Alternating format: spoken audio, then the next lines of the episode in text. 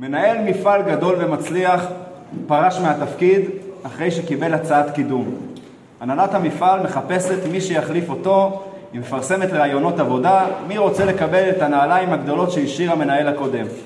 לקו הגמר מגיעים שני מנהלים, שניהם מוצלחים, שניהם בעלי שם, אבל הם מאוד שונים אחד מהשני. אחד הוא יזם ומהפכן, כל יום הוא מגיע עם רעיונות חדשים, מהפכניים, מעלה גדולה, אבל יש לו חיסרון. מה החיסרון? הוא מאוד מאוד מבולגן ולא עקבי. לעומתו המנהל השני בדיוק הפוך ממנו. אדם עקבי, מסודר, ממש לא מפספס שום פרט. הבעיה אצלו שחסר לו חזון, חסר, חסר לו מעוף. מי, מי מתוך השניים הייתם בוחרים לנהל את המפעל? האם היזם והמהפכן והמבולגן, או את העקבי והמסודר אבל חסר מעוף? מי הייתם לוקחים למפעל?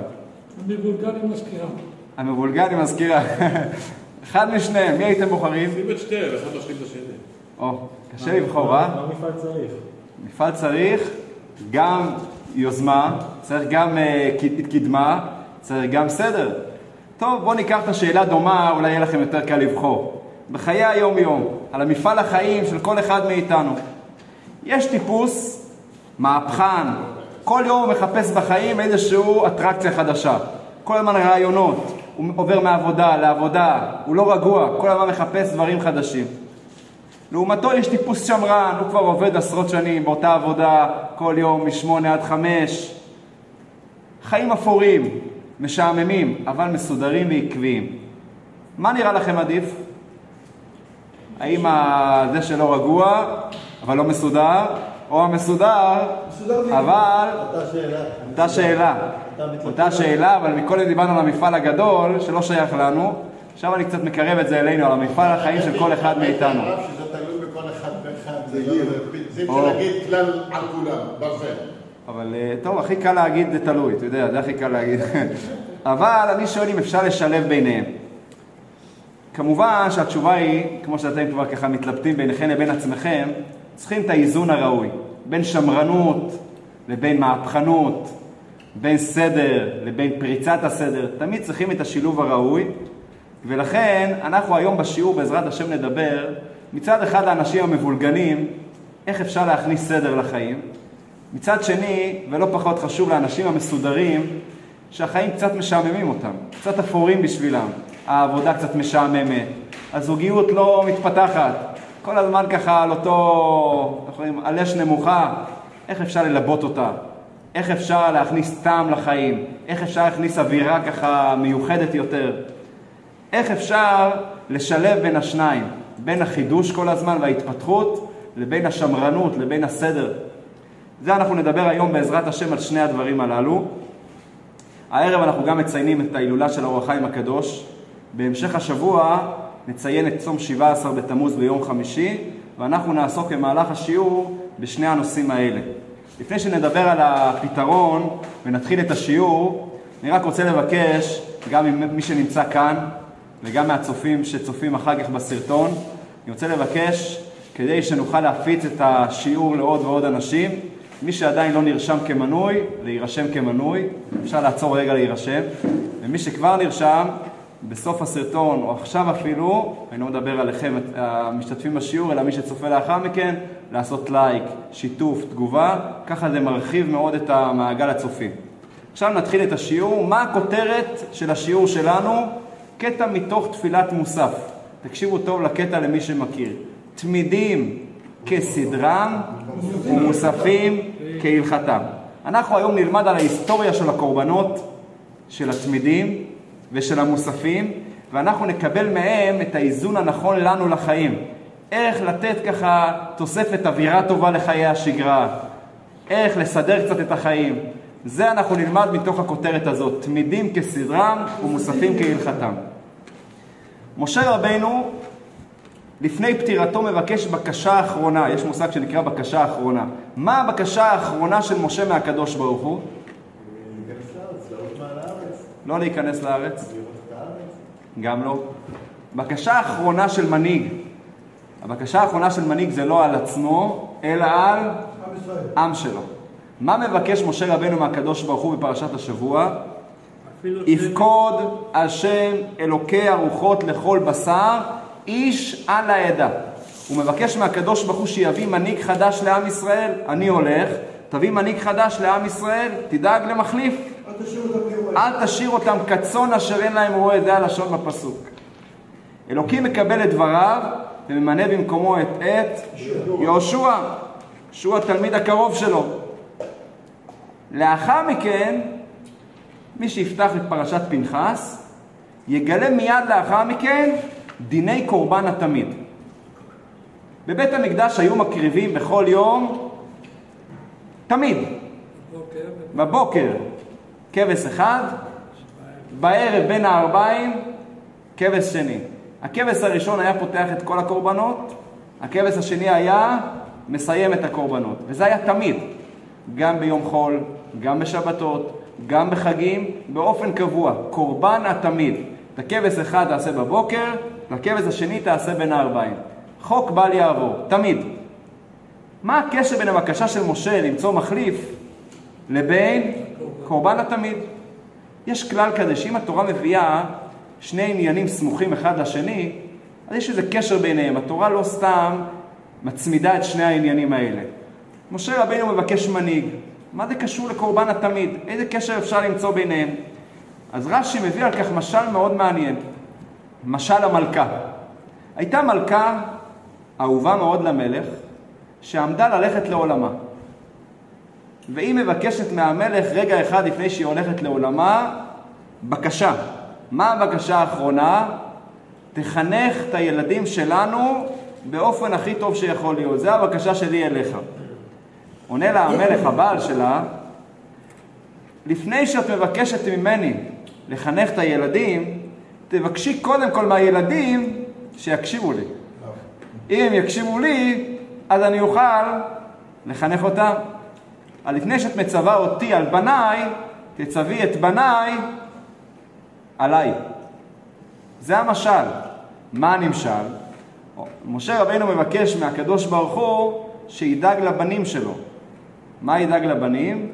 שיביא מחליף, שימנה את יהושע. אומר הקדוש ברוך הוא, לפני שאתה רוצה שאני אמנה להם מנהיג, קודם כל תבקש מהם שישמעו בקולי. אם ישמעו בקולי, המנהיג יהיה לו מה לדבר איתם. אם לא ישמעו בקולי, אז המנהיג לא יוכל בעצם לדבר איתם. מה הסיפור הזה שהם ישמעו בקולי? זה קורבן התמיד. את הכבש אחד תעשה בבוקר, את הכבש השני תעשה בין הערביים, זה הערובה בעצם שעם ישראל יקשיב לקדוש ברוך הוא. לכן אומר רש"י, הקורבן התמיד מובא לאחר בקשת משה. כדי למלות את בקשת משה, יפקוד השם אלוקי הרוחות איש על העדה למנות את יהושע, מבקש הקדוש ברוך הוא שיקריבו לו קורבן בבוקר ובין הערביים. קורבן התמיד. למה? זה יהיה בעצם הערובה לכך שעם ישראל ישמור את התורה. זה מעלתו של קורבן התמיד. בגלל זה הרב כאילו נקבע גם בתפילות היום, שאין לנו בית מקדש. עוד מעט אנחנו נק- נקבע שחרית בבוקר. ו- אמרת יפה הם כאילו- שהתפילות היום הן כנגד הקורבנות, עוד מעט נרחיב את זה קצת יותר, אבל בהחלט התפילות היום זה כנגד הקורבנות. אז אנחנו רואים שמעלת קורבן התמיד זה בעצם הערובה שעם ישראל ישמור על הקשר עם הקדוש ברוך הוא. יתרה מכך, יש מדרש מעניין, המדרש אומר שהקרבת קורבן התמיד דווקא בבוקר ובין הערביים, בערב. למה לא עושים שניים ביחד? שניים בבוקר, שניים בערב, או אחד בלבד? למה צריכים שניים, אחד בבוקר, אחד בערב? אז המדרש אומר ככה, תמיד של שחר בבוקר נועד לכפר על העבירות שעשו בלילה. תמיד של בין הערביים נועד לכפר שעשו ביום. והמדרש מסיים ומסכם, לא היה בירושלים אדם שהיה בידו עבירה. למה? כי הקורבנות כל הזמן היו מכפרים על העבירות. 24 שעות.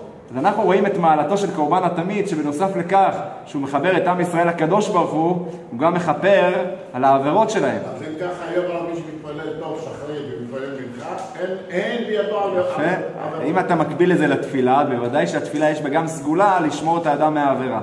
אבל שימו לב למדרש מאוד מרתק, שחושף לנו שהקשר בין קורבן התמיד הוא לא רק הקשר הרוחני בין עם ישראל לקדוש ברוך הוא, אלא גם שומר עלינו בגשמיות. המדרש אומר דבר מאוד מעניין. כל עוד הקריבו בבית המקדש קורבן התמיד, ירושלים הייתה שמורה, הייתה חזקה. ברגע שהפסיקו להקריב את קורבן התמיד, אז האויבים הצליחו לפרוץ את החומות. וכך מספרים חכמינו, הרומאים ניסו לפרוץ את חומות ירושלים במשך כמה שנים, וללא הצלחה, לא הצליחו. שלוש שנים זה הלשון, יש אגב אה, מקומות, אה, מדרשים שונים, כמה זמן הם אה, עמדו. המדרש הזה אומר שלוש שנים. ואז הם עמדו להרים ידיים, כמה אפשר? מנסים, לא מצליחים, עמדו להרים ידיים. ואז עמד שם גוי אחד ואמר למצביא הרומאי, יש מצווה מסוימת שהיא שומרת על עם ישראל. מה זה המצווה הזאת? קורבן התמיד. ואז הוא מספר למצביא, שים לב, כל יום לפנות בוקר הכוהנים משלשלים מהחומות, היה מצור על ירושלים, היו משלשלים מהחומות שתי קופות עם זהב עד למטה, ואז הרומאים למטה, הגויים מחוץ לחומה, היו מעלים להם שני כבשים. זה היה רוטינה כזאת, כל יום, כל בוקר. שני כבשים כנגד שתי קופות של זהב. זה מה ששומר על היהודים. כך אמר אותו גוי. ואז החליט המצביא הרומאי, מחר נכין להם הפתעה.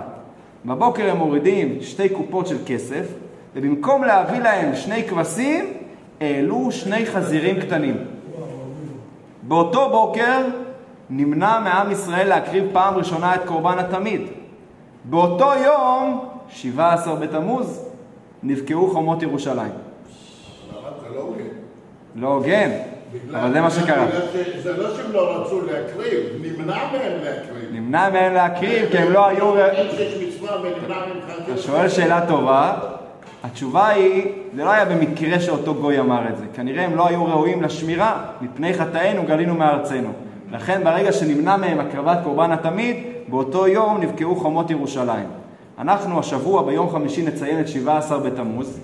המקרה שסיפרתי עכשיו, שנמנע מעם ישראל להקריב קורבן התמיד, זה אחד מחמישה דברים שקרו ב-17 בתמוז. חכמינו אומרים חמישה דברים אירעו את אבותינו ב-17 בתמוז. אחד, אמרנו שהפסיקו את קורבן התמיד. השני, כתוצאה מכך, כמו שאמרנו, נבקעו חומות ירושלים. השלישי, באותו יום, שנים לפני כן, משה רבנו שבר את הלוחות בזמן חטא העגל, זה היה ב-17 בתמוז. הרביעי והחמישי, זה היה גם כמה שנים לפני כן, אפוסטמוס, הוא היה יווני, שרף את התורה והעמיד צלם בהיכל. שלושה מקרים נוספים על מה שלמדנו קודם. אבל הנושא שלנו כמובן עכשיו זה קורבן התמיד, שכמו שלמדנו, גם חיבר בין עם ישראל לקדוש ברוך הוא, גם כיפר על העבירות של עם ישראל, וגם הגן עליהם בגשמיות. שהקדוש ברוך הוא לא הבקיע את חומות ירושלים עד שקורבן התמיד פסק. זה הכוח של קורבן התמיד. כדי להבין את גודל החשיבות של קורבן התמיד, עוד מעט נקשר את זה לחיים היומיומיים שלנו, חיי התמיד שלנו, אני רוצה להביא לכם עוד מדרש שנקרא מדרש פליאה. שמעתם את המושג שנקרא מדרש פליאה? מדרש פליאה זה מדרש שיש בו דברים קצת לא מובנים, קצת תמוהים. הנה קחו דוגמה למדרש פליאה. מה הפסוק הכולל ביותר בתורה? זו השאלה ששאלו את חכמינו במדרש פליאה הזה. מה הייתם אומרים? משלנו. הפסוק הכולל, אני לא אומר הפסוק המפורסם ביותר בתורה, מה שאתה אומר, וידבר השם אל משה לאמור, זה הפסוק שמובא הכי הרבה פעמים בתורה. אני שואל איזה פסוק כולל, כל המצוות, לאו דווקא את כל המצוות, אלא הכי כולל מכל הפסוקים. ואהבת לרעך כמוך זה תשובה שאמר. בן אנס. בן אנס אומר ואהבת לרעך כמוך. יש לכם עוד רעיון? בן זומא אומר, שמע ישראל השם אלוקינו השם אחד. הגיוני? אמונה בהשם. אתה אמרת ואהבת לרעך כמוך, כולל את כל המצוות של בן אדם לחברו, גם הגיוני. ותקשיבו לחכם השלישי. שמעון בן אנס אומר, מה הפסוק הכולל ביותר בתורה? את הכבש אחד תעשה בבוקר, ואת הכבש השני תעשה בין הערביים. זה הפסוק הכולל ביותר בתורה. שמע ישראל אמונה, ואהבת לרעך כמוך, אהבת ישראל, בן אדם לחברו. כבש אחד תעשה בבוקר ואת כבש השני תעשה בין הערביים. זה הפסוק הכולל ביותר בתורה. מוזר. מדרש פליאה, לא דובר שם על התורה, מדובר שם על הקרבת קורבן התמיד. מדרש פליאה, לא מובן. אבל אולי אחרי שאנחנו נסביר היום את החשיבות של התמיד, אולי אנחנו נצליח להבין למה באמת זה פסוק כל כך חשוב. בואו נחשוב על המילים קורבן התמיד. מה המעלה של קורבן התמיד? הוא היה יקר? הוא היה מיוחד? מה המעלה שלו? ההתמדה. כל יום. לא משנה איזה יום, אחד בבוקר, אחד בין הערביים. זה מראה על קביעות, התמדה. ספר החינוך, הוא מפרש את טעמי המצוות, והוא מדמה את קורבן התמיד לארוחות, ארוחות שאדם אוכל למהלך היום. אדם שאוכל למהלך היום, רוב האנשים אוכלים בבוקר, בערב, שתי ארוחות, אחד בבוקר, אחד בערב, אחד קצת יותר לקראת הצהריים, אחד יותר לקראת הלילה, אבל זה רוב האנשים לפחות שתי ארוחות בבוקר ובערב. כמו שכדי להחזיק את הגוף שלנו, אנחנו צריכים שתי ארוחות ביום, כך גם לתחזק את הקשר עם הקדוש ברוך הוא, באמת צריכים את שתי קורבנות. הקורבנות. קורבן התמיד, שהוא בעצם מעורר אותנו, כך הוא אומר, המעשה של הקרבת התמיד מעורר אותנו לזכור את הקשר בינינו לבין אלוקים. לכן, כמו שלגוף שלנו אנחנו דואגים לשתי ארוחות, כך צריכים לדאוג גם לשני, לשני הקורבנות לנפש שלנו, לקשר שלנו עם הקדוש ברוך הוא. אם רגע נחזור למשל של הארוחות, תגידו לי אם זה הגיוני שאדם יאמר, השבוע הלו"ז שלי צפוף, עסוק, אין לי רגע אחד פנאי. השבוע אני לא אוכל, בתמורה לזה, שבוע הבא אני אוכל כפליים. כל מה שאני אוכל השבוע הזה, שבוע הבא אני אוכל. זה נשמע הגיוני? לא. למה לא? אין לי זמן, שבוע הבא פנוי לי יותר. כי הגוף שלנו זקוק למשהו, מזון. מזון קבוע. השבוע יש לנו צום 17 בתמוז, אחר כך צום תשעה באב, בקושי יום אחד אנחנו שורדים בלי לאכול. לשרוד שבוע שלם לא שייך, אנחנו צריכים משהו קבוע. אז כמו שזה מצחיק אותנו לגבי הגוף, כך זה גם לגבי הנפש. אני השבוע אין לי זמן להתפלל, אין לי זמן ללמוד, אין לי זמן להתעסק בקשר עם אלוקים, שבוע הבא אני פנוי, אני אעשה הכל כפליים. זה גם אמור להצחיק אותנו באותה מידה. זה הרעיון של התמיד.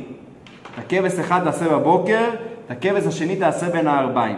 הקשר הקבוע בין יהודי לבין אלוקים. זה דבר כולל בתורה. פסוק מאוד חשוב, כי זה מראה על החשיבות של הקביעות בקשר ביני לבין אלוקים. אתם יודעים, חכמינו אומרים שאחרי 120 אדם עולה לשמיים, שואלים אותו כמה שאלות? שלוש. שש שאלות. לתורה. שאלה הראשונה, מה היא? נסעת ונתת באמונה. האם עבדת באמת בצורה שאלוקים היה מרוצה? ביושר. ביושר. שאלה שנייה שעליה נדבר עכשיו, קבעת עיתים לתורה. שאלה קצת מוזרה. מה זה האם קבעת עיתים לתורה? האם למדת או לא למדת? כמה למדת? למה אנחנו מתייחסים לדבר איזוטרי? אבל זה פרט לא חשוב. לא פעם בשנה, לא להגזים. אומר. זה כמו ארוחה פעם בשנה. או, מה שאתה אומר בעצם, לא-. אבל אתם בעצמכם אומרים שאומרים לקבוע, זה יכול להיות פעם בשבוע, כי מי שקובע עיתים בשיעור הזה פעם בשבוע, זה נקרא קביעות עיתים לתורה. יכול להיות כל יום, יכול להיות פעמיים ביום. לא כתוב מתי קבעת. אם הוא קובע בבית. גם לקבוע, גם, לקבוע בבית, זה גם נקרא לקבוע, בוודאי. אבל לציבור. אבל תשימו לב, כשאומרים קביעות עיתים לתורה, אנחנו לא מתייחסים לכמה למדת. אנחנו לא מתייחסים. אנחנו לא... או, ערב טוב זיו. אנחנו לא מתייחסים לכמה אתה לומד, מה למדת. לכאורה זה פרט איזוטרי. למה מתייחסים קבעת העיתים לתורה? למזה שכתוב קבעת העיתים לתורה, מה מסתבר? שהמסגרת הזאת של קביעות עיתים, זה מראה שאתה מחובר. יכול להיות שאדם לומד המון, הוא יודע הרבה, אבל זה לא חלק מהיום-יום שלו. כשאדם קובע עיתים לתורה, מה זה אומר? זה אומר שהתורה היא חלק מהחיים שלו. לאו דווקא המאמץ, המאמץ זה גם חלק מהעניין, אלא זה קבוע.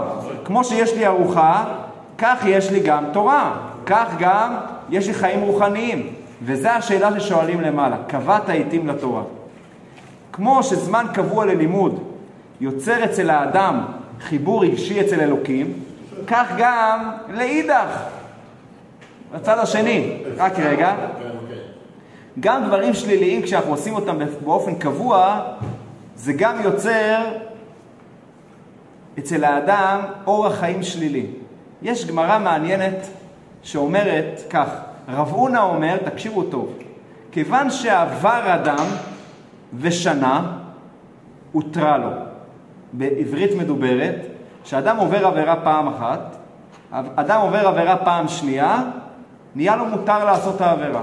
נשמע לכם הגיוני? אם אדם גנב פעם אחת, אוי ואבוי. גנב פעמיים, מעכשיו הוא יכול לגנוב. ככה זה נשמע. אז שואלת הגמרא, הותרה לו? איך אפשר להגיד שהוא? זה נהיה מותר? אלא הגמרא מדייקת את כוונת רבונה. כיוון שעבר אדם עבירה ושנה עשה את זה פעם שנייה, הותרה לו הכוונה, נעשה לו כהיתר. הוא מרגיש שזה כבר נהיה דבר מותר. למה? זה הנושא של הקביעות. הוא התרגל לעשות דבר שלילי, זה כבר נראה לו כאילו זה כבר מותר.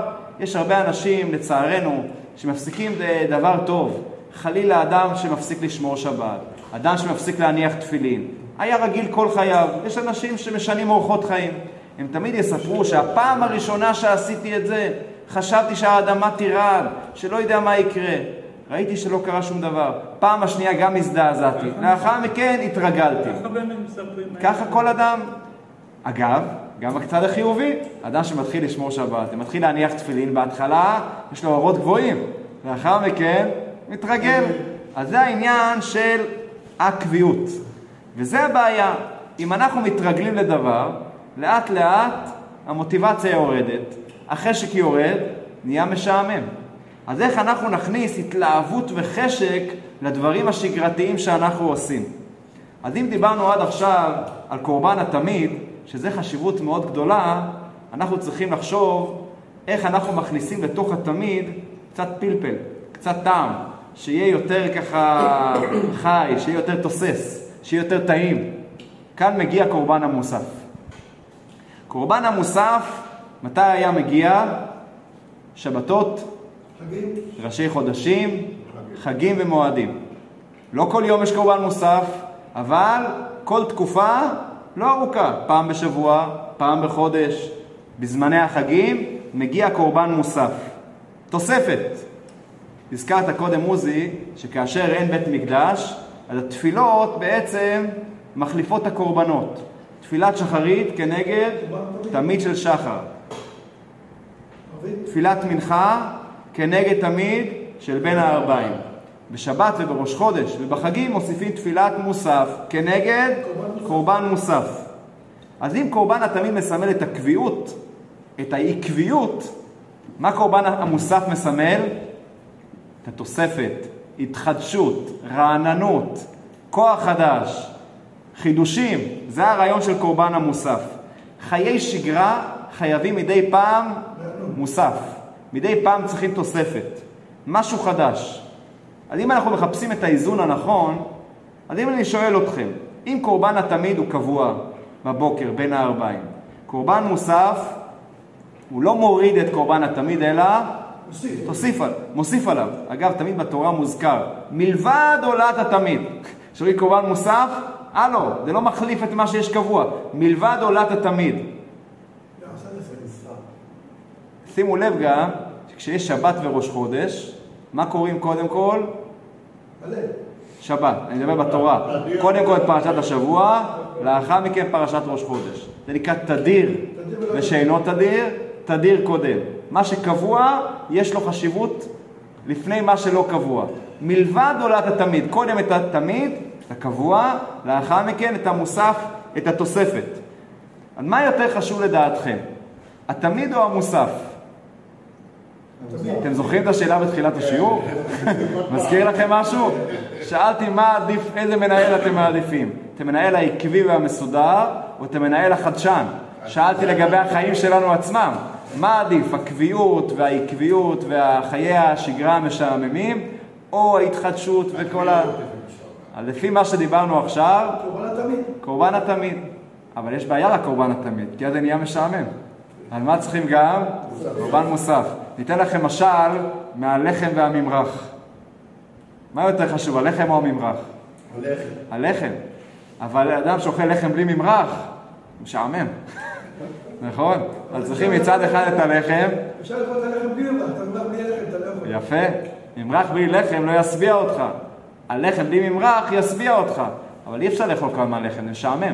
לכן צריכים, הלחם זה התמיד, הממרח זה המוסף. אז אם נחזור לדילמה שפתחנו בה, התשובה היא יחסית ברורה. מצד אחד אנחנו צריכים את העקביות. ואם יש אדם שכל הזמן יש לו רעיונות חדשים וכל הזמן הוא יזם ומהפכן, כדי שזה יחזיק, איך אומרים, יחזיק מעמד, הוא חייב לסגל לעצמו עקביות. גם אם זה בהתחלה כמה דקות ביום, ואז שיהפוך לשעה. שהדבר יהיה עקבי, יהיה לו גם, יהיה לו גם אה, תוחלת חיים, יהיה לו גם אפשרות להמשיך הלאה. אבל אני רוצה לדבר על הבעיה שרוב האנשים סובלים. הדברים שאנחנו כבר עושים, זה יכול להיות תפילה, שכל יום עושים את זה. זה יכול להיות עבודה, שהיא קבועה אצלנו. זה יכול להיות זוגיות, שהיא הרבה שנים איתנו. איך אנחנו עושים אותה יותר מעניינת, יותר בעלת חיים, שלא תהיה משעממת. בשביל זה צריכים לקורבן התמיד להוסיף את קורבן המוסף. מדי פעם, לא תמיד, מדי פעם להוסיף משהו מעניין, משהו חדשני. זה מוסיף התלהבות. אם אנחנו מדברים על תפילה, מדי פעם תוסיף איזה קטע בתפילה שאתה מתבונן בו. ייתן לך חיות לתפילה. תרים לעבודה, תעשה לעצמך איזה משהו כיפי בעבודה, מדי פעם. אותו דבר גם בזוגיות, וכן הלאה בכל דבר. להכניס בתוך הקורבן התמיד גם את קורבן המוסף. אם קורבן המוסף היה מאוד מאוד מאוד מוצלח, אפשר להעביר אותו גם להיות תמיד, אבל אז אנחנו נצטרך גם, מה נצטרך? מוסף חדש. כי תמיד צריכים להתקדם. וזה בעצם המתכונת שאמרנו. תמידים כסדרה. זה הכי חשוב. מוספים כהלכתם להתקדם הלאה. כמו שאמרתי בתחילת השיעור, הלילה אנחנו מציינים את הילולת האור החיים הקדוש. 280 שנה לפטירתו של רבי חיים בן עטר, שהיה מגדולי ישראל, קבור בהר הזיתים בירושלים. והוא השאיר לנו פירוש נפלא, מיוחד מאוד, שנקרא אור החיים על הפרשה, על שם זה גם הוא נקרא האור החיים. יש בספר שלו, ממש, מי שלמד אותו, כל חלקי התורה. פשט, רמז, דרוש וסוד, הכל יש שם. אנחנו ניקח מה שקשור קצת לשיעור שדיברנו היום, על החיים עצמם, לתמידים והמוספים, ניקח רעיון שאני מאוד מאוד מתחבר אליו, מתוך האור החיים על הפרשה, לא שלנו, מתוך, יותר נכון, מתוך אור החיים על התורה, רעיון נפלא ביותר. אתם יודעים, כל מי שקרא את ספר בראשית, פרשת בראשית, שפעם אנשים היו חיים הרבה שנים. אם ניקח את אדם הראשון, כמה שנים הוא חי? 930 שנה. ניקח את נוח, 950 שנה. ניקח את מתושלח, 969 שנים. חיו הרבה הרבה שנים. בדורות מאוחרים יותר, תוחלת החיים ירדה משמעותית, אבל עדיין לא רעה. אברהם אבינו חי 175 שנה. יצחק חי 180 שנה. יעקב חי 147 שנים. אז הם חיו לא מעט. נעבור כמה דורות לאחר מכן, משה רבינו חי 120 שנה. זה האיחול שמאחלים לאנשים, שיחיה עד 120. אומרים בבדיחה שמה מאחלים לאדם שהגיע לגיל 100? עד 120. מה מאחלים לאדם שהגיע לגיל 110? עד 120. מה, מה מאחלים למי שהגיע לגיל 120? שיהיה לך יום טוב. אז מאחלים עד 120. למה תוחלת החיים כל כך ירדה? למה לא אומרים הגיל 180 כמו יצחק? למה לא עד גיל 950 כמו נוח? מה רע בזה? למה הדורות כל כך התקצרו? אז האור החיים הקדוש מביא משל נפלא ביותר. משל המלך. מלך גדול חילק אבנים טובות מתוך המחצב של האבנים לפועלים שלו. ונתן להם משימה שיקחו את האבנים הטובות האלו ויהפכו אותם ליהלומים יפים ומתוקנים. כמה הוא חילק? שימו לב למספר שהאור החיים הקדוש נותן במשל. לאחד נתן 300 אלף, לשני 350 אלף פחות או יותר.